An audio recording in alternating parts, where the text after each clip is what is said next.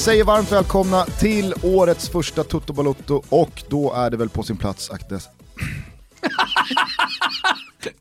lite bakfull. Ja, men Nej, alltså, lite bakfull. Ja, men. Ola Wenström hade aldrig gjort det. Nej. Och det där är första gången du gör det under, hel, under hela 2019 stakade du det aldrig en enda gång när vi startade programmet. 2020, det första du börjar med, det är att Katastrof. ja. Mörkt år.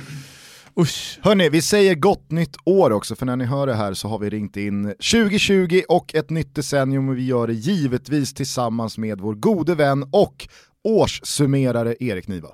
Hallå där, det är vad jag säger. Hallå Det är vad jag säger. Eh, first things first, stort tack för senast när du gjorde ett herregud vad bejublat framträdande på Oscarsteatern. Jävla skarp du var där också, jag kände att jag sjönk ner i stolen. Jag var ju Eh, oskarp som fan, det var ju bejublat men det var ju dåligt. Jag kom hem sådär och liksom kände fan, ja det var ju jävla surrealistiskt att det var sånt jävla tryck där. Men... För visst var det det? Alltså, Ja, det var ett jävla du, tryck. du kan inte ha upplevt Nej, många liksom, Niva-skanderingar med högre decibel. Alltså jag har ju faktiskt någon sjuk som jag verkligen så här, ibland blickar tillbaka på undrar om det har hänt. Men eh, något av de åren då det var Champions League nere i Malmö eh, så sände vi ju alla matcherna och stod, hade studioplats någonstans ovanför norra. Och det är ju liksom så pass nära in på ståplatsläktaren att man fan interagerar med publiken. Liksom är det reklampaus så vänder man sig om och snackar lite med någon man känner på läktaren. Och de lärde sig att ja, men där står vi satt liksom. Så inför Real Madrid-matchen när Cristiano Ronaldo och alla rullade in i stan så var det en sekvens tre kvart före avspark när, inte hela, men en betydande del av norra läktaren i Malmö står och pekar upp mot oss och skanderar Erik Niva håller på Malmö. Och utan att recensera sanningshalten i det budskapet, vilket är noll, så var det ändå en jävla, bara, vad, fan, vad fan är detta? Så tog jag upp telefonen och lyckades filma, så det har jag faktiskt kvar bara för att påminna mig om hur jävla skruvat det kan bli ibland. Ja, det var ett rejält tryck på Oscarsteatern och om du nu satt med eh, ångest hemma i Gröndal efteråt så kan väl vi bekräftat. Det, det finns ingenting att ha ångest över. Verkligen inte, Nej, det, borde, kärlek. det borde ha varit bättre, det borde ha varit skarpare, men det var fan man sitter där och Alexander Axén konstaterar att det är sex snurr man ska ha på prosecco, eh, liksom buteljskorken innan man öppnar den och sen öppnar man en sjunde butelj och sen blir man lite suddig, men jag kom absolut hem med den där känslan att fan vad folk var välvilliga här och fan vad jag borde ha svarat upp bättre mot det. Det var ju fem plus respons och två plus framträdande och det, fan, det känns inget bra. Jag tyckte Emil Persson eh, satte så jävla huvudet på spiken i en av sina fördomar mot det när han sa att du börjar själv känna att ditt svar att läget är 2 plus är 2 plus. Alltså grejen är att det är svaret är 4 plus men det har ju överanvänts så satans mycket så att det nu är nere och snuddar vid 1 plus. Så just den när jag liksom ska beskriva hur jag själv mår och hur jag själv fungerar så ska jag fan inte liksom prata med de 2 plus livet. Men däremot att recensera saker i vardagen utifrån en plusskala, det gör jag hela tiden, det kommer jag inte sluta med. Jaha, vi ska väl göra som eh, vi alltid gör med Niva i det här avsnittet. Blicka tillbaka på fotbollsåret som har varit. Spontant bara Thomas, eh, om vi använder den här plusskalan då. Det brukar ju vara getingar i Toto Balotto, men eh, vad skulle, ah, vad skulle det du brukar väl vara blandat, alltså, jag har ju mer och mer glidit över till plusskalan. Fan, du är på väg över till den, to, to the dark side, eller vad vi nu är. det- Den, är ju, den, är så mycket, den ligger så mycket trevligare i munnen. Ja, getingar är ju Sen är du väl, du är väl så mycket persona non grata man bara kan vara på Aftonbladet. Ah, Vi har pratat om det några gånger när Erik har varit här. Alltså, det, det, jag vet inte om jag är så jävla mycket persona, persona non grata, men sen så kommer Erik hit, eller jag tänker att jag inte är det, och sen så kommer Erik hit och så bekräftar han bara hur, Fan är det det jag gör? Är, hur illa det är ställt med relation. Nej men, Nej, men på volley bara, vad, vad skulle du säga 2019? Alltså jag ska bara säga att det handlar ju om fem tweet, det är liksom det som är grejen. Det, det, det, det, det är, någon, det, det är inte på riktigt. Folk har, blivit, folk har blivit oönskade för mindre. Ja, det har du för sig rätt i. Men eh, vad sa du, vad, vad är det för plusskala på... eh, På fotbollsåret 2019, om du bara får Eh. möta det med, med vristen här på volley. Ja, men jag, fyra getingar kanske? Ett 4 plusår. Ja. Eller det, det beror ju på hur, man- hur man ska se på det, om man ska vara, försöka vara lite objektiv och kolla på året vad som har hänt och... Det ska alltså, vi göra hade- alldeles strax. Ja, vi, vad som har hänt så, så tänker jag spontant att det har varit ändå så fyra getingar. Sen så börjar jag ändå fundera på så var har kommit in och det har blivit skit av det. Och, Eh, så sitter Niva mitt emot. han bruk, brukar prata om en dystopisk fotbollsframtid, liksom vart är fotbollen på väg? Det har blivit ännu modernare. Eh, vi, vi, vi, pratade om det i Champions League-avsnittet här senast, eh, Erik eh, skrev om det också. Eh, just att det är fem eh, ligor, toppligorna, liksom, det är de som dominerar ute i Europa. Så att det är klart att det går att se det ur olika perspektiv och sen så kan man ju vara supporter. Alltså, vi fort, sitter ju fortfarande här och är supporter till, till lag och då är det ju ett riktigt jävla pissår. så att, eh, ja, jag vet inte. Eh, vi, vi, kan väl kanske landa i någonting sen när, när vi har diskuterat det. Men, men eh, när vi blickar tillbaka på det här året, jag skulle bara vilja börja eftersom Erik sitter här. When We Were Kings är eh, en ny podcast och alla som lyssnar på det här, de flesta har säkert lyssnat på Eriks eh, podd. Eh, jag, när vi satt på Oscars hade ju inte lyssnat på några avsnitt än och Gusten gjorde sig lite rolig över att du, var, att han hade gjort Milan. Mm. Och att jag då gick i tankarna på att starta någonting liknande och att jag var, jag var knäckt över att Niva kom. Men jag ska säga det att jag lyssnar nu på Milan del 1 och Milan del 2. Milan i slutet på 80-talet var mitt lag. Var det jag så? Var, ja, verkligen. Det visste jag inte. jag älskade van Basten och älskade trion, skyldigt Rikard van Basten jättemycket. Och de mästerskapen där 88, liksom när Holland vann, det, ja, det, det är ett, ett, av de största mästerskapen för mig. Men eh, jag har konsumerat så mycket Milan, Sacchi, Berlusconi i, i framförallt italiensk media eftersom jag, har, eh, eftersom jag tycker att det, liksom, ja, det, det är mitt lag. Och sen så lyssnade jag på det här och det gav mig någonting. Jag tyckte det var så jävla härlig lyssning. Och jag vet inte om det, det kanske inte spelar någon roll, men jag har liksom ändå grottat ner mig så jävla mycket i detta Milan, i Berlusconis Milan. Och sen så, varför ska jag lyssna på det här tänkte jag. Och så gjorde jag det ändå, och jag vill fan ge dig fem äh, getingar på det. Det ja, var riktigt jävla bra. Ja, nu, ska, nu, nu, är jag en trogen lyssnare av When We Were Kings. Ja men det glädjer mig verkligen. Det glädjer mig inte lika mycket som när Gusten hörde av sig och sa att du var helt tom i blicken efter att det här formatet hade lanserats. För större, större som människa är Det är ju krydd också för Gusten. jo, jo, det fattar jag också. Det är väl krydd från min sida också, men det är fortfarande kul. Ja, det, är det. Det, liksom, det kommer ju alltid vara missundsamheten som driver en genom fotbollslivet i alla fall. Ja, Men tack ändå, för det är klart att det är en jävla svår balans det där att å ena sidan försöka, försöka prata på ett sätt som gör att det blir intressant för rätt många, men samtidigt också kunna prata på ett sätt som ger något även till de som redan känner till typ allt som går att känna till. Och nådde jag fram till dig med ditt Milan då, så känns ju det jävligt bra. Kul, tack! Oerhört upplyftande också att eh, det blev som man tänkte direkt att när det, när det var dags för spons, då klev du av.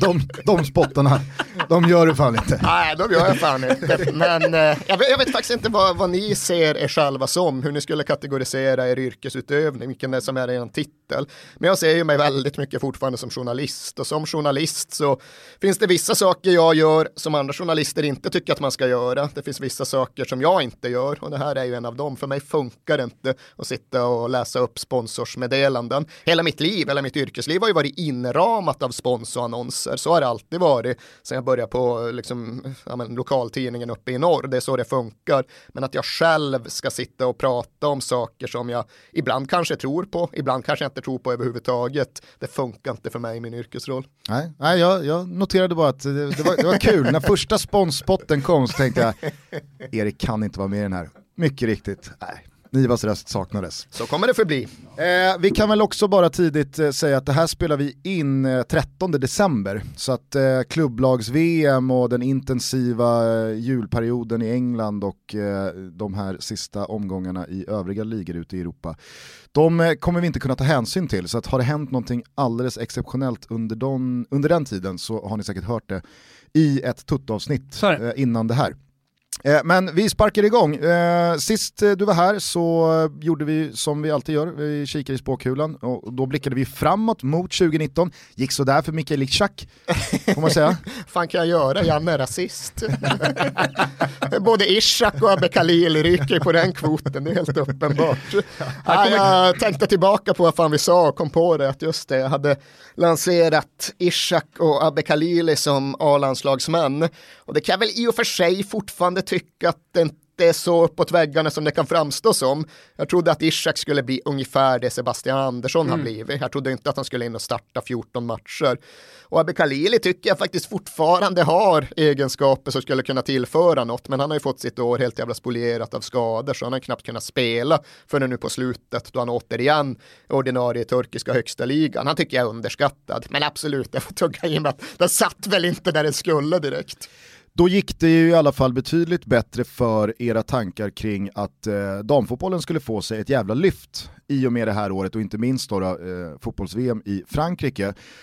Både ur ett sportsligt men kanske framförallt intresse och publikmässigt perspektiv så, så blev det väl väldigt mycket lyft för eh, damfotbollen. Hur såg du på EM kanske i, i synnerhet, men damfotbollens år i allmänhet? Ja, VM var ju mäktigt. Det är klart att det fortfarande finns liksom det finns ju ojämnheter kvar i allt runt damfotbollen. Det finns ojämnheter i de enskilda matchernas kvalitet, det finns ojämnheter i de enskilda matchernas inramning. Vissa VM-matcher var ju deppiga som fan sett till inramningen.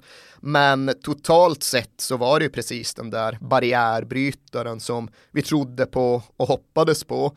Och det är både på ett nationellt plan där jag verkligen tycker att det hände stora och viktiga saker med synen på damfotboll i Sverige under 2019, men också på ett globalt plan där ju USA återigen blev den här motorn som ja, gjorde saker som ingen annan idrottsnation kan göra, både på och utanför plan. Och då framförallt om Megan Rapino, som jag såg nu blev utsedd till Sports Illustrateds uh, Athlete of the Year eller exakt vad fan det heter och bara det var ju historiskt, något liknande hade aldrig hänt tidigare och det är klart att när hon klev fram som hon gjorde, när hon dels avgjorde turneringen men framförallt höll alla sina fanor så jävla högt mot alla som kunde tänkas komma och gå emot henne. Liksom hon muckade ju med USAs president ja, under pågående med, turnering. Med liksom. tanke på vad som har hänt med idrottare i USA, som, jag tänker på NFL som har muckat med Donald Trump tidigare. Absolut, för det är jävligt lätt att sitta här och säga, men vad kostar det liksom? Mm. Vi har hundra idrottare som kan mucka mot Trump. Ja, men vad kostar det för en svensk idrottare att kritisera Donald Trump? Det är helt riskfritt, det höjer det bara, det stärker någon form av varumärke. Men för amerikanska idrottsutövare, precis som du säger, så får det ju faktiska konsekvenser, faktiska kostnader och de kan inte veta hur det ska landa och hur det ska play out. Megan Rapino hade någon form av familjeföretag där hon drev typ så här fotbollscamps och när hon först började ställa sig på knä bakom Colin Kaepernick och när hon fortsatte liksom vara vokal kring det som där anses som opatriotiskt, då hamnade ju hela familjeföretaget i skiten. De fick ju inte en kund, vartenda kommersiellt samarbete avbröts. Och vi ska inte glömma bort att Donald Trump fortfarande har någon form av stort folkligt stöd. Så i USA. Hon kommer dessutom från Trump country. Jag tror hennes farsa röstade på Trump.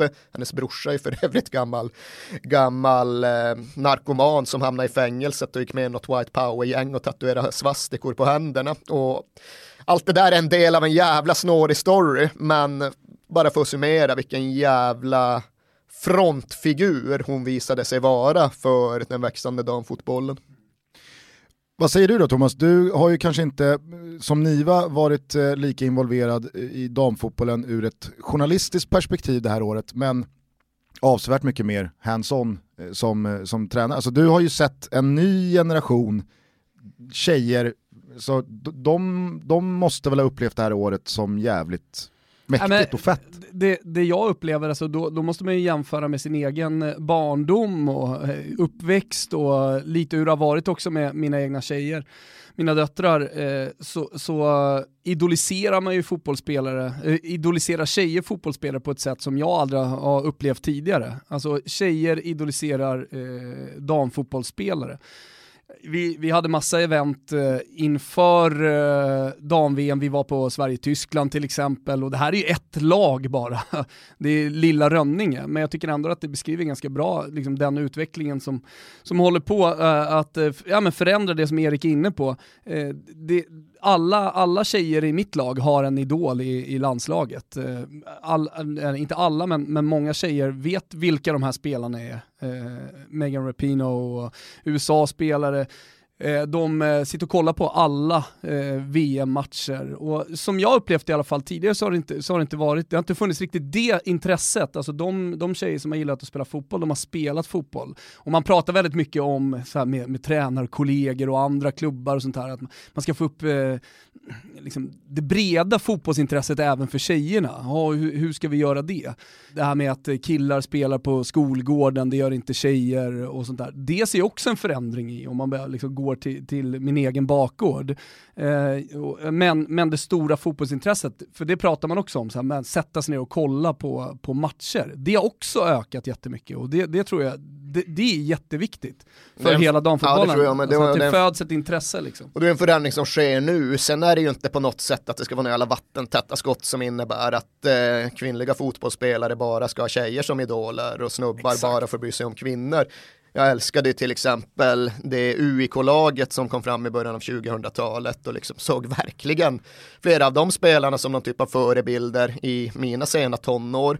Men det märks ju ändå att just den förändring som du beskriver, den sker ju nu, för det är bara en knapp generation sedan. Alltså de spelare som spelar i svenska A-landslaget nu, de hade ju inga kvinnliga förebilder. Mm. För även om UIK var bra uppe i norr så var väl det i hög utsträckning en regional angelägenhet. Det gick en match om året på tv, men det var ingenting som nådde fram. Jag vet ju liksom att Lina Hurtig hon trodde att hon skulle spela för Man United, men det var ju Man Uniteds herrar, för det var liksom det enda mm. hon, ja det var ju det enda som fanns då. Mm. Kosovare Asllani hade ju aldrig sett en damfotbollsmatch förrän hon blev ja, 18-19 typ samma sak med Hedvig Lindahl.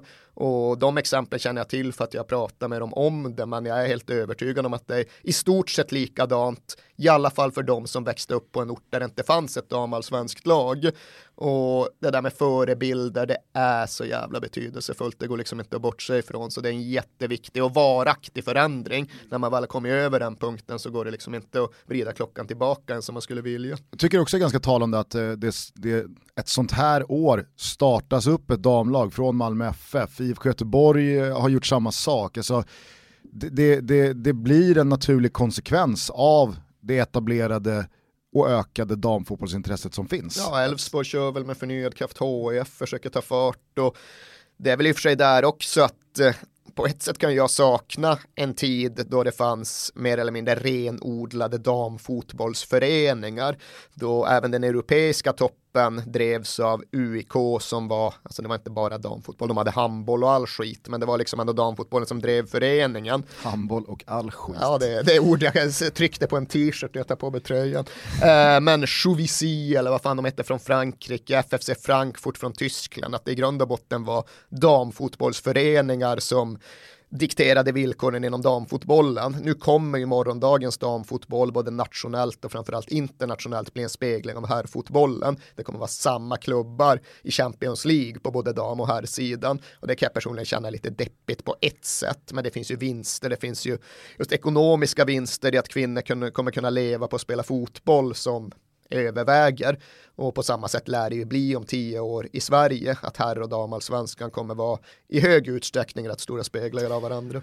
Känslan är väl att Wolfsburg de har inte i herrarnas Champions League att göra för en överskådlig framtid. Så att, eh, där, där blir det ju bara på damsidan. Fan, senast jag var i Wolfsburg då såg jag hemmalaget slå Zinedine Zidans Real Madrid med 2-0 i vad som var en åttondel eller en kvart av Champions League. Och där och då kändes det verkligen inte som att Zinedine Zidans Real Madrid skulle vinna Champions League precis varenda gång de ens försökte. Men det var liksom den lägsta punkten hans första säsong. Sen krånglade de sig ur returen, vann väl returen.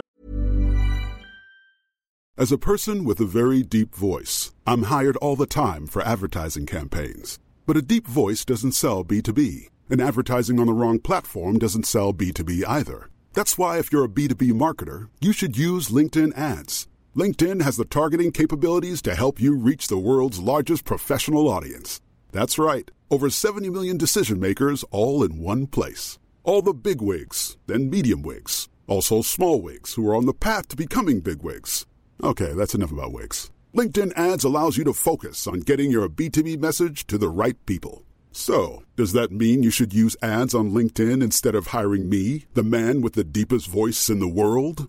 Yes. Yes, it does. Get started today and see why LinkedIn is the place to be to be. We'll even give you a $100 credit on your next campaign. Go to linkedin.com slash results to claim your credit.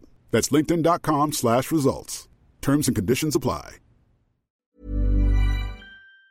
Med tre bollar och sen så tog de det därifrån. Men vad hände med Wolfsburg som var en så stor satsning och jag, jag kommer ihåg när de köpte spelare dyrt och var De på väg upp Bundesliga där med Exakt. Grafite och Dzeko och, och Bosnien-Serben på tian som jag inte kommer ihåg vad han heter precis just nu.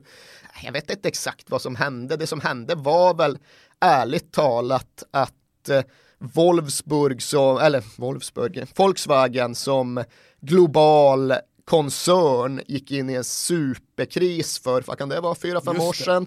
Och det fick ju konsekvenser på fotbollsverksamheten på ett sätt som det inte hade fått runt någon annan elitklubb. För det finns ju gott om gamla korplag som vi har glömt bort att de är just korplag. Liksom PSV Eindhoven är ett korplag. Bayer Leverkusen är ett korplag. Men det finns inget som är lika knutet till en specifik företagskoncern som Wolfsburg. Så när huvudkoncernen fick så inåt helvete stora problem så innebar det också att det inte blev någon större satsning på fotbollsklubben. Det blev i alla fall liksom, ja, mindre fokus, mindre resurser, hade inte sett så jävla bra ut för alla jobbare som blev av med sina arbeten ifall de samtidigt hade tagit in superdyra nyförvärv. Jag tror också att det där sammanföll 2015 med att de hade nypt en gruppspelsplats i Champions League och som för många sådana här lindansarlag vad gäller Europaspel så klarade de inte av tvåfrontskriget utan de sackade ju som fan i ligan och så gick det skit i Champions League och det här var väl med laget Bas Dost, eh, Rodriguez, eh, alltså de Ja, stack var- ju ja. för att det gick för, för kast Ja, den säsongen och sen också. så bara dog det. Den här Real Madrid-matchen var väl en av Draxlers eh, sista stora föreställningar Exakt. för Wolfsburg och det är precis, han var väl galjonsfiguren för det laget. Så absolut, jag tror att ser du på den enskilda säsongen så var det väl så att energin tog slut, men sen tillät inte koncernen, klubben att regenerera projektet för det fanns inte längre pengar. Ja men det krävs så jävla mycket pengar över så jävla lång tid också för att etablera ett lag i, i, i toppen av en topp 5-liga. Det, det räcker inte med två, tre år, utan Nej, man måste liksom bara fortsätta, fortsätta, fortsätta. Men har ni varit i Wolfsburg? Aldrig varit i Det, Wolfsburg. kan- ja, du hade kommit ihåg det om du hade varit Ja. det, för det kan jag verkligen Nej, rekommendera. jag tänkte om, jag, om vi hade bilat förbi när jag var Ja. liten men, eh, och stannat till. Men Ja, det är nej. ju en så jävla surrealistisk stad, för jag älskar ju många av de här tyska fotbollsstäderna i så motto att det bara är så, det är så jävla deppiga skitställen. Alltså Gelsenkirchen är värsta vart i. Ja, Gelsenkirchen, alltså om du ska ta Gelsenkirchen mot Dortmund, mot Leverkusen, mot Mönchengladbach, det är fan hugget som i det semifinalspelet. Och vi satt nu i slutrundan av Champions League och jag satt ju och ville att Dortmund skulle gå vidare och Martin Åström satt ju och ville att Inter skulle gå vidare. Ja men tänk Milano, liksom. jag skit i Milano, jag vill ha tyska skithålar. Och han fick ju allt sitt, eller i och för jag fick Dortmund men sen fick ju han Benfica, men tänk åka till Lissabon, jag vill åka till Sankt Petersburg, Zenit liksom, rysk barskhet då. Nej han vann ju. Där är ni eh, väldigt olika. Ja, där är vi väldigt olika, men trivs ganska bra med, med både varsitt. Men Wolfsburg i alla fall, ska bara snabbt skjuta in det, att där är det ju ännu värre, eller i alla fall ännu mer apart och absurt än till exempel i Gelsenkirchen. För 70% av stadens yta består ju av bilfabrik. Sen har de byggt lite kåkar runt det, men det är bilfabriken som är staden. Och sen är just från början lite arbetarbostäder och nu har de ansträngt sig lite grann, tagit dit han allt och finska arkitekten att smälla upp lite fina kåkar nere vid den saggiga lilla floden. Men det är hittar lite vatten och tänker, här kan vi ha seaside. vi måste ju något liksom, vi måste göra Riverside. någonting. Men verkligen det där att man rör sig, man går i, man verkar i en gigantisk bilfabrik med tillhörande bostadsytor. Det är Det är samhället. lite som Södertälje känner jag här. Fan vad jag trodde Alvar Aalto var död. Det Känner kan han säkert vara, han kanske smällde upp det där. Men, men jag har ingen aning. Okej. Det är inte Simon Bank som sitter här ska du veta. T- Tänker på rippa äpplet nu bara för det. Tänk att vi hamnade i Gustav trodde att Wolfsburgs... Äpplet, pingisspelaren, var död i vårt typ sjunde avsnitt. Nej nej nej, det var vårt första avsnitt, för det var när eh, Äpplet gick ut och svingade mot den här listan på de hundra främsta Ja, svenska idrottarna. Ja. Han var Och sjukt så- indignerad. Ja, och då valde eh, Thomas att liksom uttryckligen säga bara RIP Äpplet. Eh, för att han då slogs mot väderkvarnar med att hävda liksom, storheten på bordtennis. Ja, Wilbacher skulle liksom mygga av honom, men du tolkar det som Ja, att... eller typ så här. Fan vad synd det är om, om Äpplet. Så han, han, han, har, han har varit liksom framträdande i en världssport, men i Sverige så är det ingen som hör honom, för där finns det bara Gio och Jörgen Persson, det är ingen som riktigt orkar ta med Äpplet. Och då tänkte jag så här, jag har missat att Äpplet har dött. Här står Thomas och säger RIP Äpplet, så ja, fan vila i frid. Äpplet har ju rasat idag till exempel, jag vet inte om du har sett det, gamla bordtennisspelaren Appelgren. Vila i frid. Nej, Han rasat bara. han, nej alltså han har rasat, blivit lackat. Ja, igen. ja, han är Jag trodde Äpplet hade coolat. Sluta. Ja, just Äpplet hade jag väl tagit, men satan vad det finns hundra sådana personer som man verkligen inte har en aning om de lever eller är döda. Ja, det är ett briljant eh, segment i Alla mot alla. Ja, de kör det, ja. lever den jäveln? Jaha, ja, det fattar jag. Det ligger ju precis i linje med hur det skulle funka. Känslan är ju att Erik Niva gör eh, debut i Alla mot alla 2020. Den korrekta känslan är att Erik Niva tackar nej till att medverka i Alla mot alla i samtliga säsonger som programmet har existerat. Inklusive våren 2020. Det är ju Lunds lycka.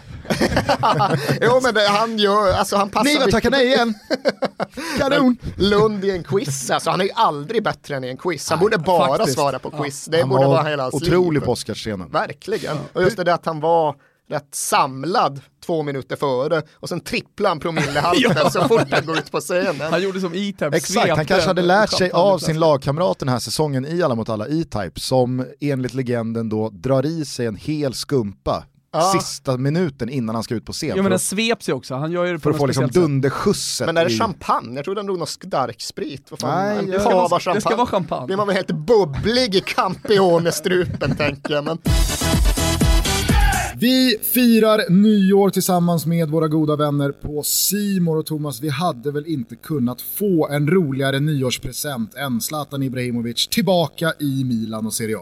Det var ju väntat va, man stod ju i Simors kanaler efter fem med Tilde och sen så var jag där med Pileby också och basunerade ut. Eller jag mer eller mindre slaktade alla andra alternativ och sa att det är bara Milan som gäller. Ja men Bologna då, Mihailovic och eh, ja men det var väl allt möjligt. Divai och sportchefen i Bologna hade åkt över till Los Angeles. Eh, ja men det är klart eh, Everton med Carlo Ancelotti dök upp men, men det var aldrig hotat alltså. Det var i Milan han skulle avsluta så att eh, Eh, men som du säger, vilken jävla, vilken jävla nystart det blir på Serie A. Den, vad är det, i 13 dagen där, däromkring. Med Precis. eh, Zlatan eh, mot Sampdoria första matchen, mot Albin Ekdal. Ja, det blir otroligt alltså. Jag har redan läst olika krönikörer och tyckare som har eh, slagit fast att det här var ett dåligt beslut. Zlatan borde ha fattat att hans tid är passé, han borde ha hängt upp skorna i björken. Alltså det känner ju jag bara kommer vara en tändvätska för Zlatan. Jo, men alltså jag skulle vilja addera hela den här Hammarby-grejen också och allting som har hänt med statyn och här hemma. Tillsammans med liksom att folk nu eh, krönikerar och tycker och, om att han är slut. Jag såg att eh, eh, den gamle räven Capello, Fabio Capello var ute och liksom svingade lite om att eh, det, det här är inget bra, Milan borde, borde satsa på någonting annat. Och jag menar allt det där eh, tillsammans, eh, allt ihopräknat och, och jag menar om man kollar på Zlatan, vad han har gjort och vad han är för person under alla de här åren, ja men det tyder på att det kommer komma en vansinnigt jävla motiverad spelare Ja. till, eh, till eh, första matchen här mot Sampdoria, sen även om man inte lyckas där alltså. Så är det ju, är det ju i mitt tycke i alla fall någon slags leveransgaranti. Hörrni, vill man följa Zlatans framfart i Serie A, vilket man givetvis vill, då är det bara att ratta in Simors kanaler. Teckna ett abonnemang så får man hela Serie A, men man får ju dessutom även hela La Liga. PGA-touren på det för alla oss golfälskare. Och det, ri- Oj, vad det ligger lågt nu. och det rivstartar ju verkligen här i eh, Serie A-vändan 2020. Det är ju inte bara Milan Sampdoria med Zlatans första match, utan Robin Olsen och Cagliari åker och möter Juventus, men det är ju framförallt Napoli-Inter också 2045 måndag kväll. Så att ni hör ju själva, Zlatan tillbaka i Serie A, fullmatad toppomgång. Har ni inte ett abonnemang så inled för fan det nya året med att signa upp ett simor abonnemang Ja, det går inte att vara utan. Jag antar att du kör samma nyårslöfte som jag gör. Ja, ja, alltså folk eh, har ju reagerat lite på min fetma och att jag nu har nått eh, tresiffrigt. Jag vet inte om du såg det? Jo, jag såg det. Ja, ja det, är- det är ju stolt över. Grattis! Grattis! Tack, tack, tack, tack. Och då kan man ju tänka sig att jag har nyårslöfte att gå ner i vikt eller sådär. Nej, ni, Tompa Wilbur han kommer fortsätta att eh, leva det goda livet. Men hur som helst så finns det ju någonting som jag verkligen, verkligen eh, liksom eh, känner också lite från 2019 att jag, ja, men jag, jag, har varit lite, jag har varit lite svag där. Och det är ju på Pepsi-drickandet. Ja, så därför så lanserar du och jag nu ett nyårslöfte som är inspirerat av eh, matkonstprofessorn Carl Jan Granqvist. Honom har du koll på? Ja, ja, för fan. Carl Jan, fina Carl Jan. Ja, ja. Dominerade ju På spåret under 90-talet och tidigt Jajamän. eh, 2000-tal. Hur som helst, du vet vad han har för nyårslöfte va? Varje Nej. år. Nej. Att han ska dricka mer champagne i år än vad jag har gjort tidigare år. Ja, ja, den är fin, det är den. Jag tycker att det är ett klockrent nyårslöfte som man då kan återanvända. Så att vi slår helt enkelt över det här på Pepsi och kör att eh, 2020 ska vi dricka mer Pepsi än vad vi gjorde 2019. 2020 blir Pepsins år, det vill jag lova. Du är inne och stökar i den kinesiska kalendern. Ormens år, kaninens år, drakens år, Pepsis år. Nu är det Pepsis år som vi inleder. Ah, det är helt underbart. Ah, nyårslöftet hörni, det är givet. 2020 då dricker vi mer Pepsi än någonsin tidigare. Gott nytt år önskar Tutto Balutto och Pepsi. Stort tack till er för att ni är med och möjliggör Sveriges största och fucking bästa fotbollspodd även i år. Tack, tack. Ska bara snabbt innan Gusten än en gång tar sats för att återvända till sitt körschema skjuta in att apropå det med listning så finns det en lite för undanskymd fotbollsparallell och därför tänkte jag bara gå igenom den. På den tiden Aftonbladet hade ett månadsmagasin som hette Yes. Sportmagasinet där jag faktiskt började min bana på den redaktionen så rankade vi en gång Sveriges hundra största fotbollsspelare och det var på den tiden Zlatan kanske fortfarande var i Juventus så han hade väl inte riktigt trängt igenom. Han var väl så- 14 mål i en säsong. Ja, han la väl sig 10-11, men jag kommer ihåg att jag motiverade mycket till, ja den här killen kan mycket väl sluta etta. Men resten av topp 10 var väl ganska konstant. Och det som var så jävla roligt med det var att Henke Larsson blev typ 7-8. Och vi ringde upp liksom tio olika på den här listan för liksom, ah, de ska få hålla sig till sin egen plats. Vad tyckte du Andreas Isaksson, du blev 61. Ja okej, liksom. Ronny Hellström var målvakt, jaha ja, okej Ravelli, ja skitsamma, men de förhöll sig. Och så då Henke Larsson, det blev åtta svinförbannad. Så jävla En förbannad. äpplet-reaktion. Ja, så, verkligen. Bara att den inte nådde lika långt eftersom att det inte fanns någon nätutgåva av detta. Men den lilla enkäten som jag tror Petra Thorén gjorde, den är helt fantastisk. Så slänger tidningar och det är liksom hästfrustet och liksom ta heder och ära. Och Bosse Larsson, vad fan är det fråga? det var en fantastiskt eh, bitter reaktion av Henrik Larsson. Jävla- all heder av. Vilken jävla fint magasin det var. Jag kommer ihåg när Simon Bank översatte... Vi måste här- tillbaka till köret snart. Ja, Men vi ska, all del. nej, men han, han, han hade ett uppslag, eller om det var två uppslag, där han då tagit de värsta ramserna i, om det var världen eller, Europa, och då översatt till svenska. Alltså från Balkan, från Italien, liksom med Hazelstadion från Fiorentina och allt möjligt. Det hade han då. Det, det blir så jävla mycket bättre i ett magasin i ett, i ett heluppslag, än om det då ska komma upp på, i, en, i en nätartikel som det gör nu, alla listor och Ah. allting sånt där värsta. Det, det, det blir så platt på något sätt när man ser det genom en skärm och så får man det i ett magasin liksom med flaggor och grafik och allt möjligt. Det är så jävla mysig grej som Simon gjorde. Som, när ni, han, som ni vet så lyssnar jag inte på alla era avsnitt, men jag hörde ju här för någon månad sedan när ni utgick från Rasim Reis och hans liksom läppläsande av Balkanspelare. Och det är ju som sagt både med svordomar, ramsor, banderoller. Det är lite annat tryck i andra fotbollsspråk än svenska där. Ja, jag blev bara nyfiken på den här topp 100-listan. Säffle Andersson. va, va, Du, jag kommer fan inte ihåg. Det Inte jag det? minns var att Gunnar Nordahl var då fortfarande etta. Ja. Sen var det ju, ja men alla Gren Oliv var ju med i topp, Gunnar Gren var ju också jättehögt, Nisse Lidholm lite längre ner, Kurre Hamrin var högt, sen tror jag både Torbjörn Nilsson och Bosse Larsson var liksom någonstans runt Henke högt och det var väl där han kukade ur fullständigt liksom. Nej, men för uh, under hösten här, eh, aktualiserat va, av eh, Marseille-fansens eh, tifohyllning, eh, så tog ju Thomas en rejäl strid då för Säffle. Jaha, bara, Ja, men, och, och, och vi, jag- måste, vi måste hedra våra hjältar, Ja, striden. men, eller? typ så. Ma- Marcus Birros liksom.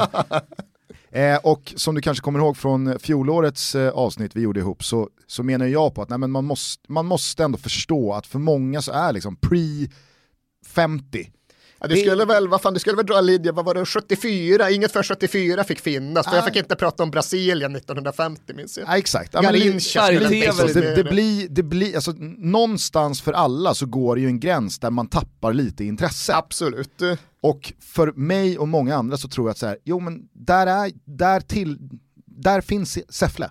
Alltså vi sitter ju mycket Tyvärr, det är hans öde. Ja, vi grubblar ju runt det en del just när vi ska spela in den där jävla podcasten. Hur långt tillbaka i tiden kan man gå Och det hörde jag i första avsnittet. skaka av precis varenda jävel. Här har Niva insett att vi kan inte börja röra oss mot krigstiden. Hur långt tillbaka får jag gå då? 81 har vi nu spelat in ett avsnitt som utspelar sig. Lever du med det eller? Rimligt. Får jag gå tillbaka till 74 eller är det, är det över? Nej, men jag, tycker jag alltså, definitivt, alltså, jag tycker du ska upple- upp, upplysa folk. starten på den moderna fotbollen är väl ändå eh, VM-guldet för England 66.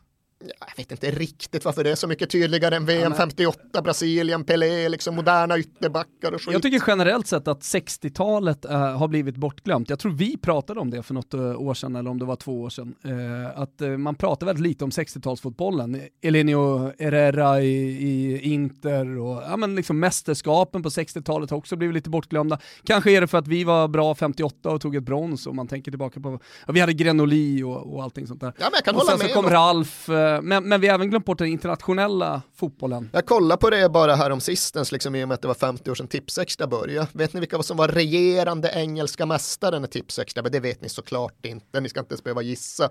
Men poängen var att det var Man City.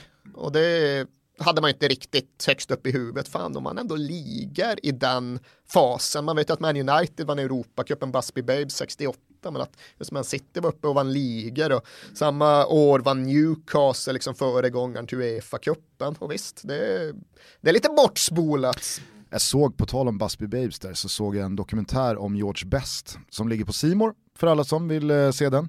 Eh, helvete vad starka bilder. Ja, det kan jag tänka Och mig. vilken otrolig karriär och vilken jävla rockstjärna. Nej, han, The Fifth Beatle och allt det där, men han var ju fan, han var ju en större Beatle än Beatlarna själva.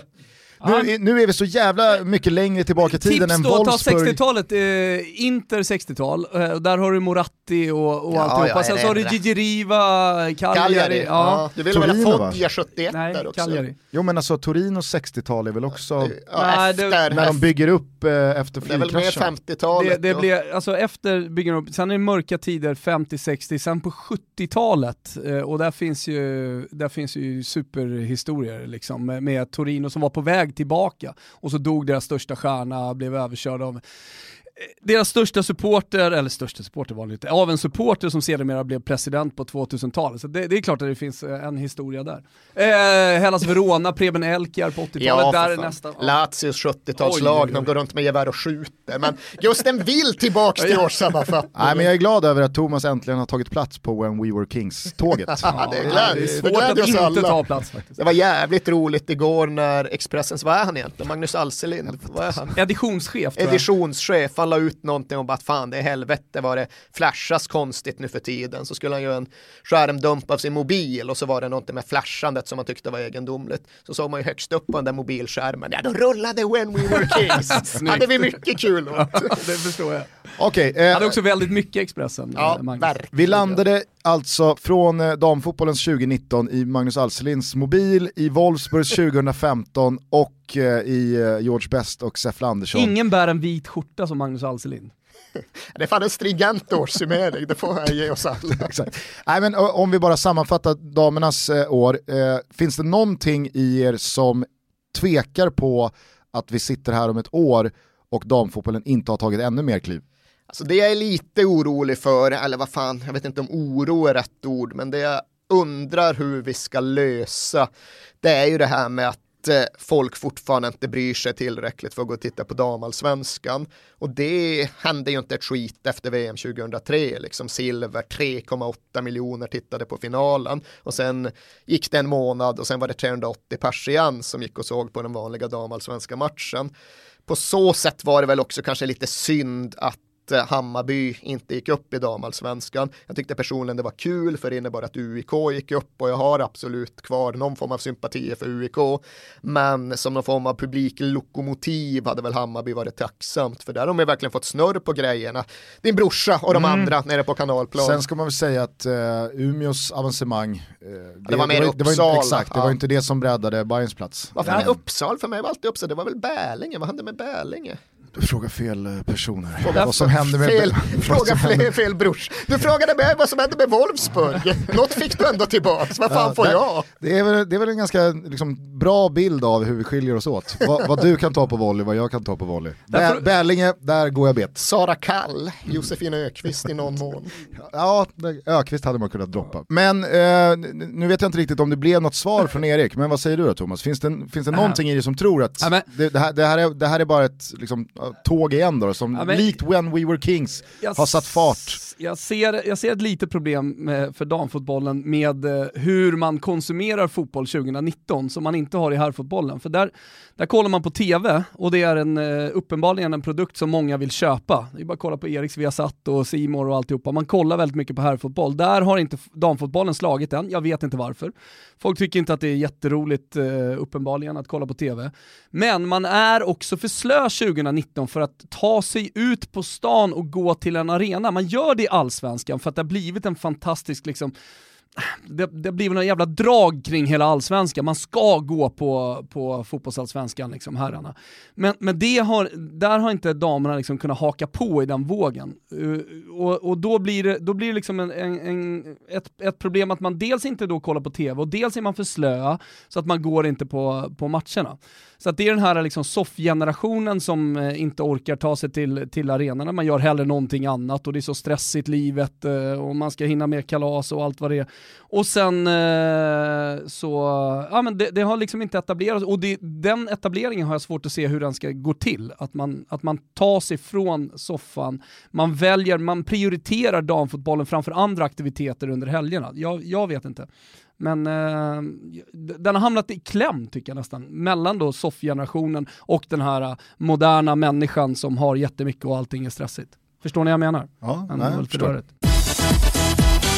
Vi är även sponsrade av våra vänner på Betsson. Nytt år men inga nya konstellationer vad gäller Toto och spelbolag. Det är Betsson vi kör på med. Är det så landet ligger? Du Gugge, på tal om Zlatan då, så sitter jag och kollar här uh, på en tweet från Betsson. Följ dem förresten på Betsson SV, deras svenska konto. Hashtag is back. Hur tolkade du det? Jag vill bara kolla kort eh, Gazettan, eller nej det var ju Milan som körde IZ back. Ja, jag hade faktiskt lite bekymmer med att, med att liksom komma på rätt fot med den där hashtaggen. Men jag vågade inte ställa frågan, för man vill ju inte framstå som dum nej, exakt. Ja, men jag, jag tänker ju bara att de byter ut S mot Z så som man brukar göra ibland, is back. Och så ja. fattar man att det är Zlatan. Men det fanns ju Men olika då, teorier då om det. det väl, då borde väl, alltså så här, då hade det funkat bättre med eh, liksom Z is back. Ja. Alltså, sis back. Men, men, men eh, is en... back är ju bara liksom, nej jag vet inte. En teori var ju liksom att det var Borrell-varianten. Eh, eh, Toscano på kajen för Ibrahimovic Zlatan så att I står för Ibrahimovic, Z för Zlatan. Eh, det, det, jag skulle säga, eh, på tal om Betsson Gusten, det är att eh, de har ett odds ute här nu, det finns ju allt möjligt. Det är bara att gå in på Betsson.com men det här då som jag säger, det är gör Zlatan hattrick i Serie A 2019-20? Ja, fyra gånger pengarna. Nej, 1,20. Ja, kan jag tycka är lite lågt på mig va? Jaha. Ja, jag vet inte, jag, jag har varit lite sugen i alla fall på att lägga in en slant på fyra gånger pengarna. Det, men det är jag, det är jag. Ja, jag såg även att Betsson skickade ut en över underlina vad gäller mål på 9,5 va? Mm. Och det är väl fullt rimligt. I synnerhet om man gör hattrick i en match. Ja, definitivt. definitivt. Ja, ni hör ju själva att det finns massa Zlatan-specialare borta på Betsson.com, men det finns ju även en Toto-trippel till nyårsdagen när raketerna har tystnat och man kanske med en pizza ringer in det nya året med en fullmatad Premier League-omgång. Mm. Vi har i alla fall satt ihop trippen att Leicester slår Newcastle. Jamie Vardy har blivit pappa. Leicester är utvilade efter att ha roterat kraftigt mot eh, West Ham och jag tror att man bara åker till St. James's och tar tre poäng säger du emot? Nej, ja det kanske är någon som gör det här, men det gör inte jag i alla fall. Nej. Eh, sen så fortsätter vi med två överspel. Det första i Watford Wolves. Nigel Pearson har ju kommit in och fått rejäl ordning på Watford. Mm. Troy Deeney har börjat bomba in straffar och göra mål igen. Delofeo har hittat nätet ett par matcher i rad här. Så att, eh, jag tror att Watford absolut kan göra både ett och två mål mot Wolves. Och Wolverhampton, herregud. Ah. Så imponerande de var i andra halvlek mot ett förvisso decimerat Manchester City, men ändå.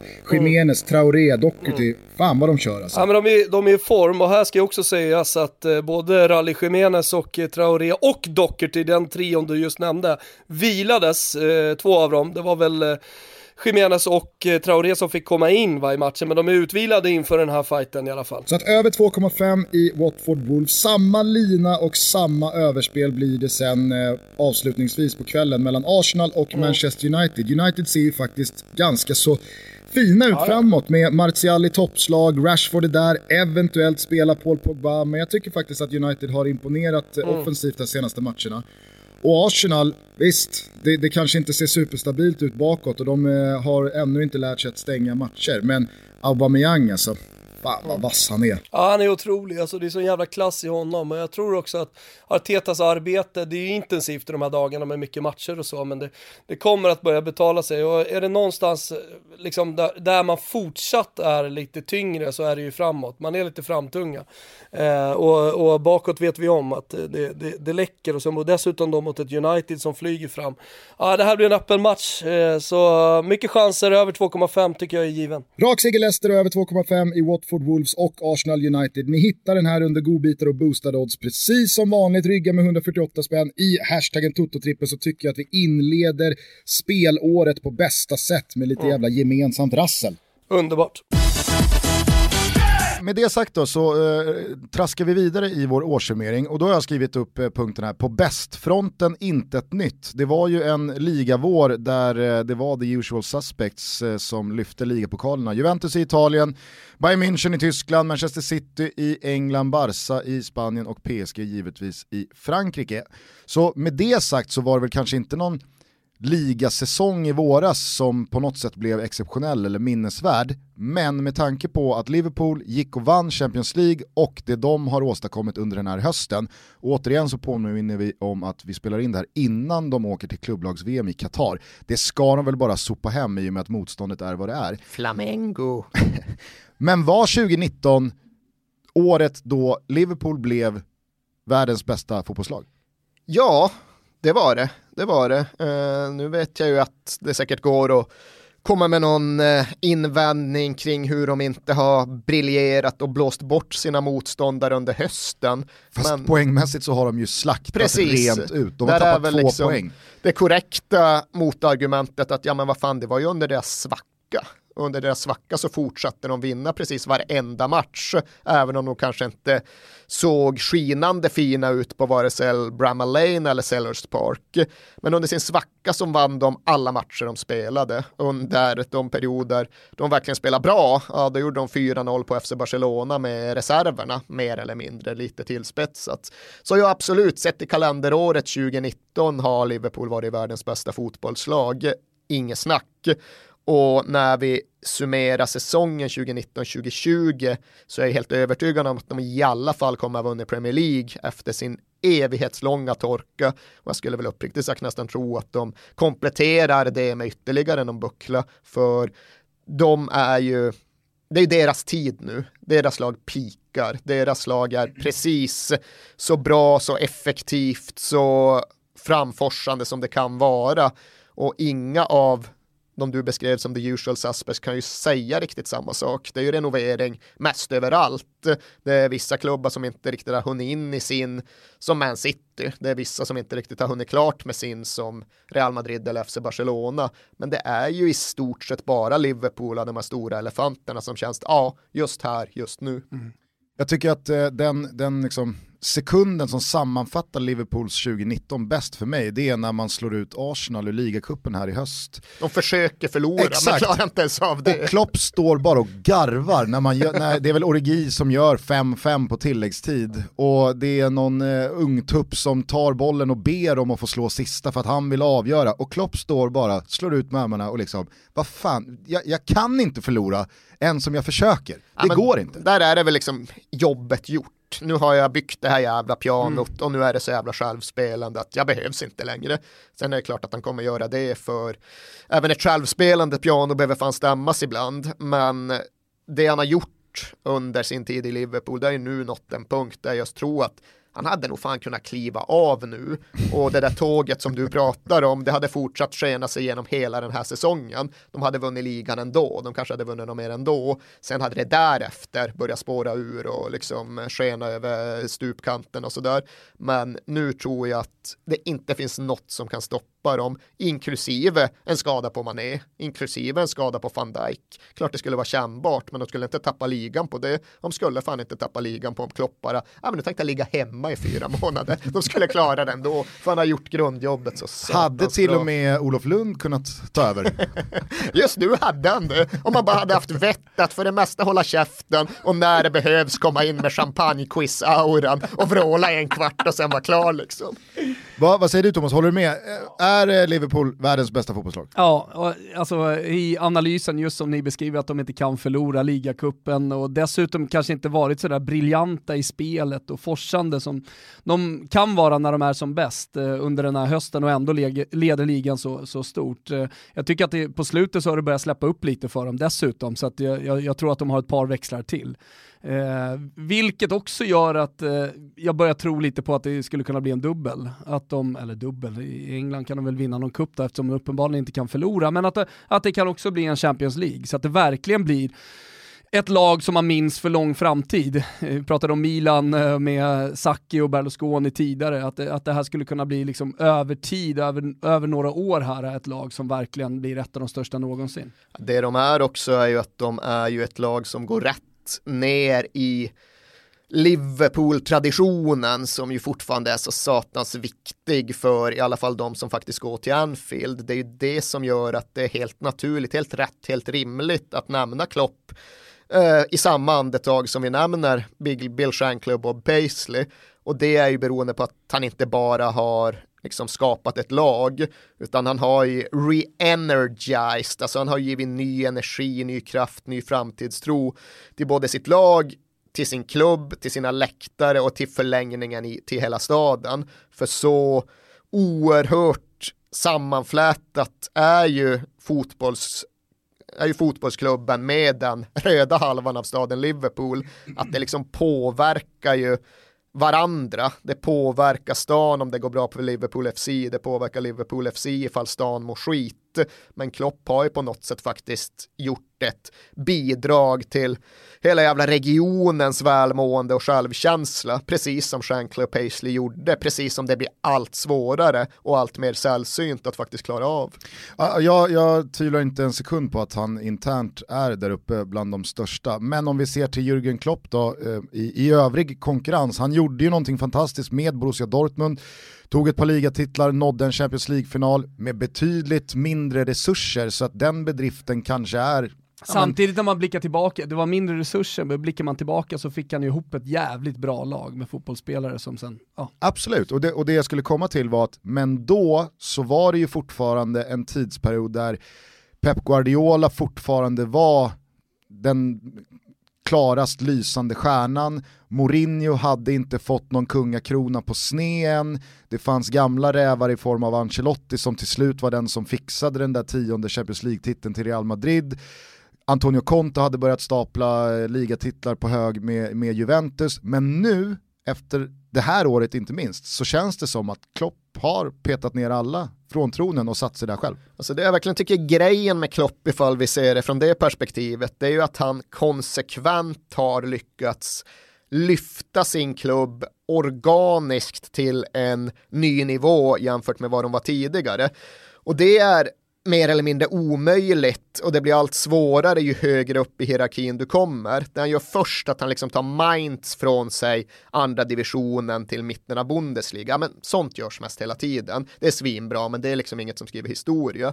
Men det han sen gör att han tar Dortmund från liksom en nästan klubb från en där någonstans klubb till att bli det de fortfarande är idag. Nu är de en cementerad Champions League-klubb, etablerad igen som liksom tvåan bakom FC Bayern, hur man än mäter i Tyskland.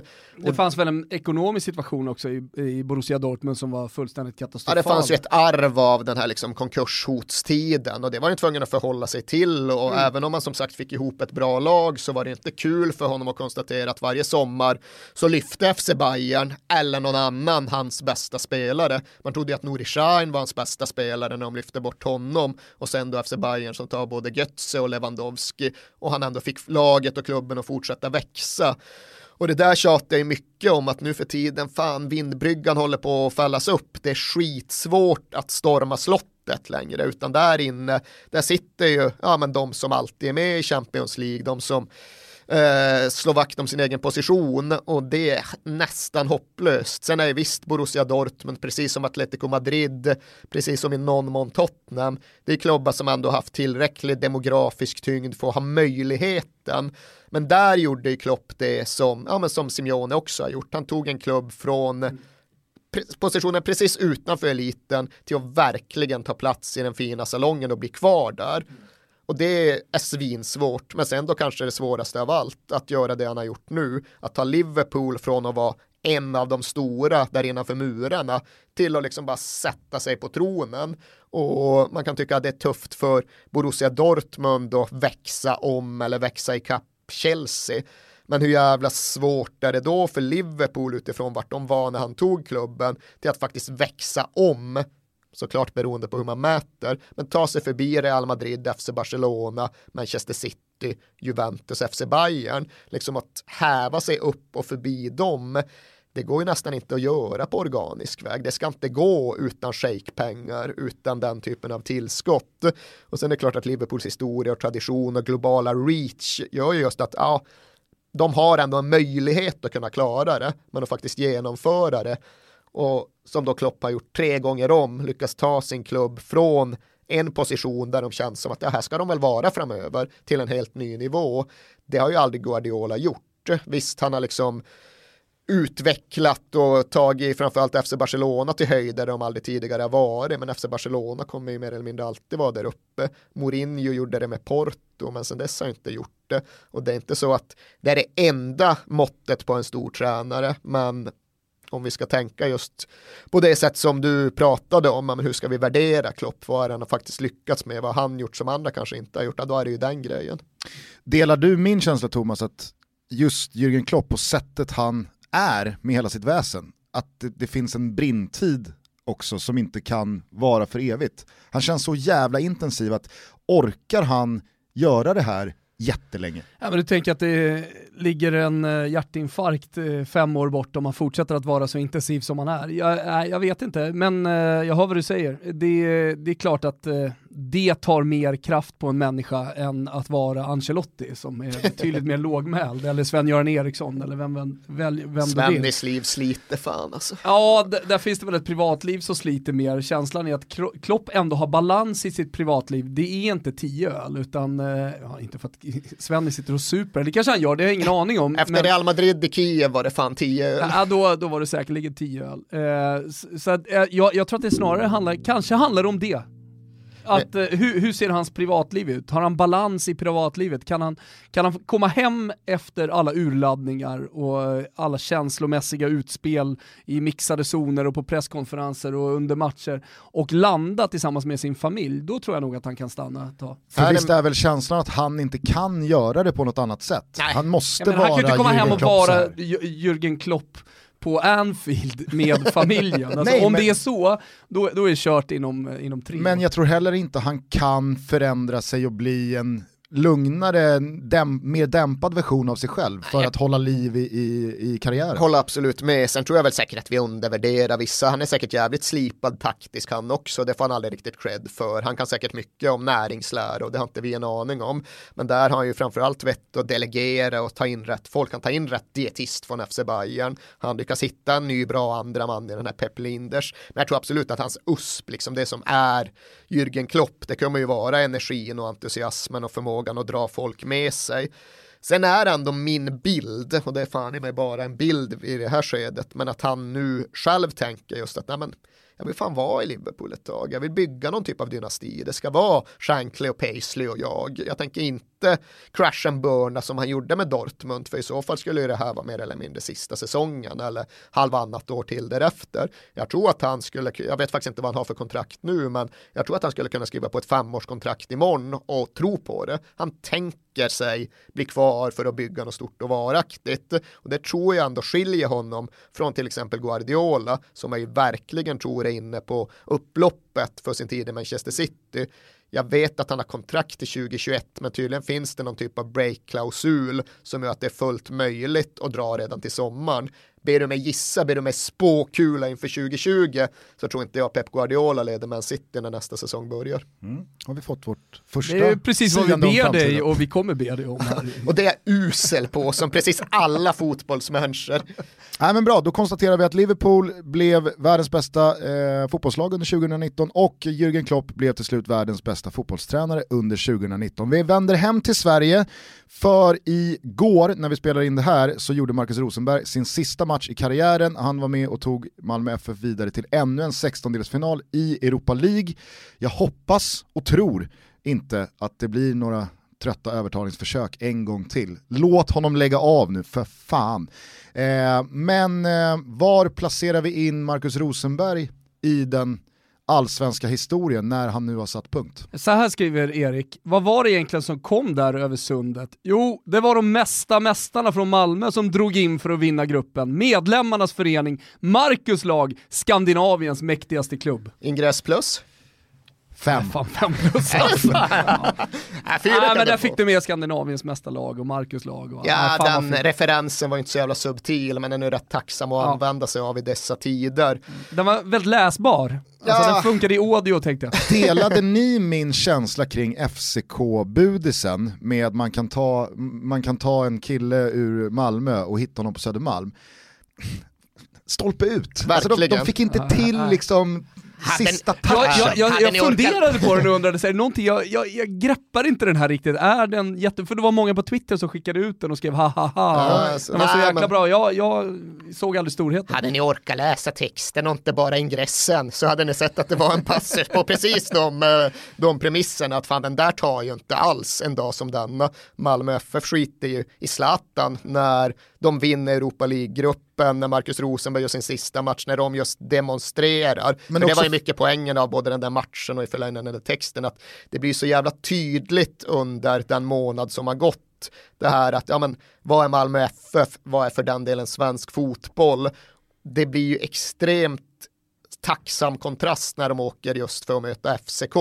För de är ju i så hög utsträckning det som Malmö FF hade kunnat vara ifall klubben, ifall svensk fotboll hade valt en helt annan väg, en annan modell. Och nu är de istället allt det som MFF inte vill vara. Och det gäller ju allt, liksom. det gäller hur föreningen sköts, det gäller vilka som företräder föreningen, det gäller faktumet att FCK inte har någon Marcus Rosenberg, att de skiter totalt i sina damlag och sina medlemsomröstningar där i kring och för den delen att de inte ens fattar att ja, men Zlatan tar inte just nu. De förstår inte det för att de är inte inne i samma tankemodell. Ja, men, lek med tanken att eh, FCK och Malmö FF har någon slags friendship, då hade ju den banderollen nästan varit mer slagkraftig. Typ, vi, vi hatar också Zlatan. Alltså, så här. Nu är Han det, har inget med det här väl att göra. inte, inte den skånska klubben som FCK har ett friendship med, men Nej. visst. Men, ja, men det hade lika gärna kunnat vara så. Men det, Om man tänker på banderollen. det jag tror att jag vill åt är att själva slagkraften i formuleringen är stolpe ut. Alltså det, är så här, det är sånt jävla smashläge, men formuleringen i sig blir Hur tänker du? Vad hade du velat ha? Ja. Jag vet inte vad jag hade velat ha, men jag trodde att det var det ni också köpte. Och tänkte, ja, jag fattar vad du menar, att här är bollen uppe i luften, det är bara att smasha in den. Men jag känner, de smäller att, den nej, jag känner inte att smashläget var så bra. Jag tycker de går fram på fel boll. Måste stå på baslinjen två till och sen kan man Hade gå de fram. ett Hammarby så kanske det hade varit smashläge. På något sätt. Marcus Rosenberg då, nonetheless. Eh, var placerar vi in honom? Ja, vart fan placerar vi in honom? Det är väl svårt att se någon större under 2000-talet. Kennedy såklart, men Kennedy var ju liksom ikon på ett annat sätt än han, han tog Hammarby till Europaframgångar värda en halv miljard. Eh, Kim Källström var ju i stunder ännu mer dominant i allsvenskan än vad jag tycker Marcus Rosenberg var. Kim Källström är mest dominanta spelare jag har sett i allsvenskan på 2000-talet, men hans eh, betydelse för Djurgården är inte heller riktigt lika stor som Rosenbergs för MFF. Han är ju dessutom göteborgare. Och, och jag tycker att det, är- det är en stor skillnad på Kim Källström också i och med att hans hemvändningsperiod det blev en säsong och det Ja. blev en tredje plats. Så Ja. det var ju jättefint och bra, absolut. Han Men- gjorde ju mer innan han åkte ut. Exakt. Marcus Rosenberg gjorde ju ärligt talat inte så jättemycket för MFF innan han åkte ut. Så det är spegelvända karriärskurvor. Exakt, och det är det jag nästan tycker är mest fascinerande med Rosenberg, att fram till att han kommer hem till Malmö FF så är ju det, alltså det är ju lite stolpe ut Ja. Ja men faktiskt. Kom aldrig riktigt in i landslaget. Kan absolut själv prata om att fan det gick bra där i Bremen och fan jag fick fint förtroende i Racing Santander.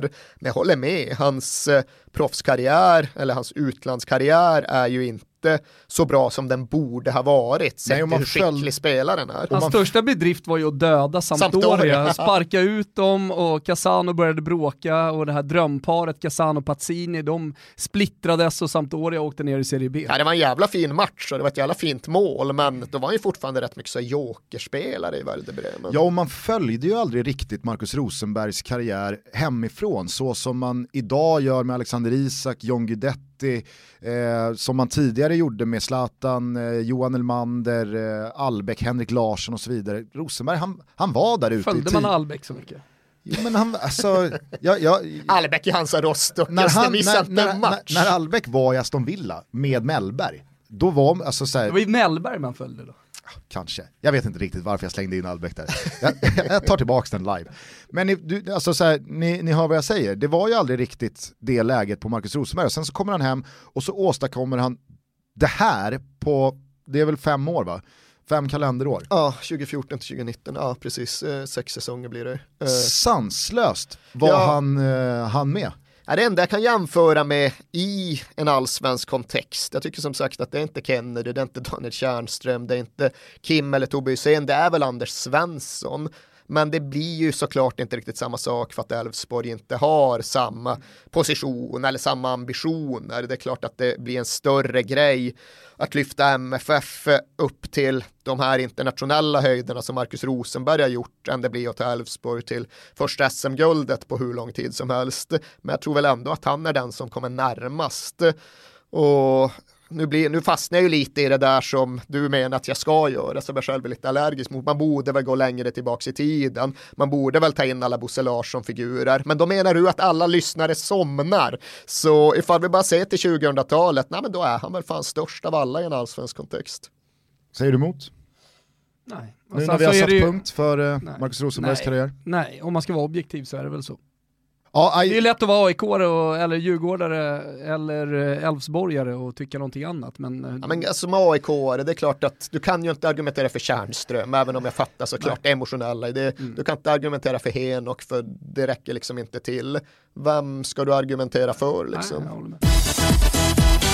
Om då 2019 var året där Marcus Rosenberg satte punkt för en fantastisk sista del i karriären då eh, och eh, placerade sig som den största i allsvenskan på 2000-talet. Var då 2019 året då Zlatan för första gången, ja, men hans aktie sjönk.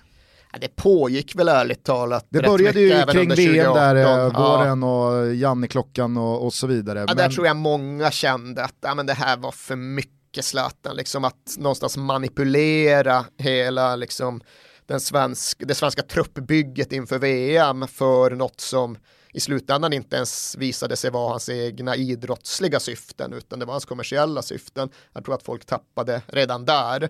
Så jag och tror sen att, att Sverige också gick till kvartsfinal det det är året. klart att Alltså, det liksom förstärkte någon sån känsla. Men eh, jag tror att om vi bara ser till det som du är inne på, att, ja, att Zlatan om något tappade status, anseende, kärlek från någon form av svenskt folkdjup.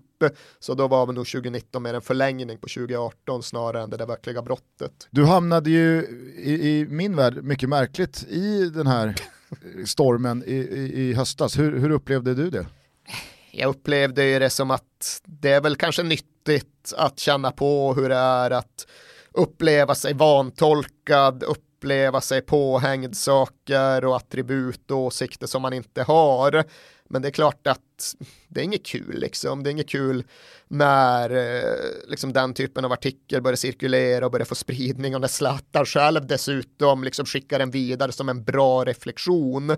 För är det någonting som jag tycker är viktigt både för mig som yrkesperson och för mig som människa så är det ju det här med liksom att eh, vara fördomsfri, att eh, inte döma folk utifrån deras bakgrund och att ha fotbollen som något som i första hand för folk närmare varandra än att ta dem ifrån varandra. Så jag tyckte det var deppigt. Eh, jag fick ju också lov att någonstans rannsaka mig själv för jag inser att bara för att jag tycker att jag själv är en förnämlig liksom, eh, jämställdhets och antirasistisk kämpe så innebär inte det att jag gör allt rätt i alla lägen. Så vad fan finns det något här? Och det finns säkert någonting någonstans. Jag är ju inte, jag, jag hade, det går att göra saker annorlunda, det går säkert bättre, men just det som stod i den där texten, det, det var ju bara... Du kan väl spela in folk bara Gusten? Så folk vet vad vi pratar om. Ja, Men det, det var väl en högst tveksam, eh, alltså sett till eh, vart han har figurerat eh, Bara Rashid tidigare. Musa som är, eh, tror jag, högsta företrädare för Sveriges unga muslimer. Med reservation för att jag kanske titulerar honom lite felaktigt som skrev då en debattartikel om att ja, titta här hur svenska sportjournalister reagera på och reflektera kring det Zlatan Ibrahimovic sa i Expressen-intervjun runt Jan- Janne Andersson. Och det då exemplifierades med saker som jag, Johanna Frändén och Simon Bank påstods ha sagt, skrivit och företrätt. Och det var ju bara problemet att de där sakerna som påstods ha formulerats, de fanns ju inte. Det var liksom rena påstå, alltså det var rena, rena påhitt. Och vad gör man då liksom? Det är ju det är bara att konstatera faktum, tycka att det är som sagt obehagligt att känna sig eh, vantolkad offentligt, men det finns säkert en jävla massa människor som jag har skrivit om och som jag har kritiserat som upplevt att jag vantolkar dem offentligt, så i någon mån också nyttigt att känna på hur det känns. Eh, innan vi släpper Zlatans 2019 bara, hur högt upp på åfan eh, listan genom tiderna hamnade eh, liksom, nyheten av att Zlatan går in i Hammarby för dig? Lite lägre än på många andra, så var det så här 7 av 10 kanske. Det är klart att man ändå reagerar, men jag reagerar ju mindre på att han går in i Hammarby. Det är väl kanske någon form av logik i att han vill ju in i fotbollsbusinessen. Jag reagerar ju mer på den andra sidan, att han så tydligt bränner i stort sett alla broar till både Malmö FF och Malmö stad. Och det är ju där liksom ja vad fan, hur får du ihop det? Hur kan du tycka att det var värt det? Ska du nu in i fotbollsbusinessen? Ja men gå in någon annanstans, gå in i Yankee-sport eller gå in i en italiensk förening. Men är det verkligen värt det att gå in i Hammarby? Och jag tror inte han kommer vara så här liksom den operativa visionären som verkligen anstränger sig för att ge sitt bidrag till Hammarby. Jag tror han kommer vara en väldigt passiv eh, investerare eller vad vi nu ska kalla honom. Och då kan jag just inte riktigt se att, ja, men vad fan, antingen så prioriterar han själv märkligt eller så har han fått egendomlig rådgivning för hade jag varit i hans situation så finns det vissa saker jag hade värdesatt och vissa saker jag hade struntat i. Kopplingarna till MFF och Malmö stad, absolut en av de sakerna jag hade värdesatt. När ni hör det här så är det väl högst troligt att eh, han eh, är klar för Milan? Eh, nej. Inte det? Ja, jag tänker att han blir klar den 4 januari. Alltså Okej. den första januari är ju... Är ju Han är rädd för att drunkna efter. i Ivanhoe. Ja, precis. Men om vi då, om vi i alla fall ponerar, han, ja, han, han kommer nog hamna i Milan, ja. om vi ponerar att han då spelar fotboll för Allt Milan för under det. våren, Om han inte lägger av. är din känsla att eh, Zlatan kan vända på den här aktiekursen igen? Eh, I Italien så är aktiekursen fortfarande kvar, men om vi pratar i Sverige så, så alltså bland Malmö-supportrar och i, i, Malmö så kommer han ju inte kunna vända på någon aktiekurs bara för att han spelar bra och gör 20 mål i Milan. Alltså, utan den, den kommer vara kvar och jag tror också att rivaliserande supportrar till Hammarby kommer fortsätta liksom, göra sig lustiga över att, att Zlatan är där. Men, eh, och de som ändå älskar Zlatan, alltså oavsett i vilken klubb han går in i, de kommer fortsätta att älska honom eh, under, under en säsong med Milan. Eh, men liksom, jag tror att du är ute efter, tror att, han kommer, tror att han kommer gå bra i Milan? Ja det tror jag definitivt. För att Milan är för det första ett lag som är i behov av en nummer nio, alltså en, en riktigt bra anfallare. Av det sista jag såg i Zlatan i LA Galaxy så tyckte jag att han hade definitivt liksom, tillräckligt eh, mycket speed under fötterna för att eh, liksom, klara av en vår i eh, Serie A och, och leverera där. Framförallt de mål som man gör i LA Galaxy, om liksom man kollar på hela säsongen så är det mål som man kommer göra även i Serie A. Och där finns det också en sån jävla stor respekt för honom. Så han kommer få det utrymmet tror jag. Eh, så, så att i Italien och internationellt liksom, så kommer man nog följa fotbollsspelaren och skita ganska mycket i Hammarby, men i Sverige så, så i, allsven, i, ett allsvensk, i en allsvensk kontext så kommer man fortsätta liksom att, ja, kanske göra lite narr av honom och i Malmö så gör det ingen skillnad. Det, det, han, det han har gjort har han gjort. Liksom. Men så här, vi får inte glömma bort att det, det finns väldigt många zlatanister så, som bo, bara liksom följer honom, som har honom som stor idol och de skiter fullständigt i, tänker jag, vad han håller på med vid sidan av. Mm. Ja, herregud. Alltså, som idoliserar honom för för, för den fotbollsspelaren. Och är någon, Fortfarande. Och är det någon som kan få det att svänga igen till sin fördel så är det väl Zlatan. Hur, hur djup grop han än har grävt. Nej, men jag tror väl också att det är ju fortfarande så att majoriteten av de vagt idrottsintresserade svenskarna, de som typ, inte vet jag, röstar i Jerringpriset, det är ju inte de som åker på allsvenska bortamatcher. Jag tror att för den publiken så är det lite som Thomas är inne på, där är det nog över. Men liksom Jerringprisfolket, de kan ju svänga av fyra mål i Milan oj, titta Zlatan igen på nyheterna, nu har han gjort det bra, tänk han får alltid sista ordet, han snackar Kul att han gick in i Bayern också. Ja exakt, och Bayern tänkt bidra till svensk fotboll. Så liksom där Pratar tror om ungdomsfotbollen nere på Årsta och grabbarna ska in där, det var skitkul att han gör det för sina egna killar också. Ja, sen är alltså i någon form av brett folklager, där tror jag nog att en stor, ett liksom riktigt episkt Zlatan-slut på karriären, det skulle nog göra skillnad. Mm. Det där Thomas får bli den sista timmen Toto Balutto 2019. Härligt! Vi avbryter vårt eh, årssummerande avsnitt tillsammans med Erik, men vi är tillbaka på torsdag morgon. Mm, då får ni ännu mer i Niva hos oss. Då får ni fortsättningen Tycker att vi har ett trevligt samtal. Ja, jag gillar också det här mm. samtalet. Så att, eh, ha nu en riktigt trevlig nyårsafton. Gott nytt år önskar jag, Thomas och superproducent Kim Wirsén. Är det något mer du vill tillägga innan vi stänger ner Toto-året 2019? Ah, men eh, det, det är ju det här man vill rikta tack till alla som har varit med genom året. Eh, vi har haft ett helt jävla fantastiskt år. Eh, avslutades på Oscars eh, och sen lät vi meddela att vi ska ut och träffa alla er som lyssnar på ställen runt om i Sverige. Åtta ställen, så passa på att köpa biljett. Vi vill så gärna att eh, ni kommer. Vi syns nästa år, men framförallt så hörs vi nästa år. Toto Balutto rullar vidare redan om 48 timmar. Då fortsätter vi snacka 2019 med Niva. Ha en fet kväll, gott nytt år. Ciao tutti. Ciao tutti.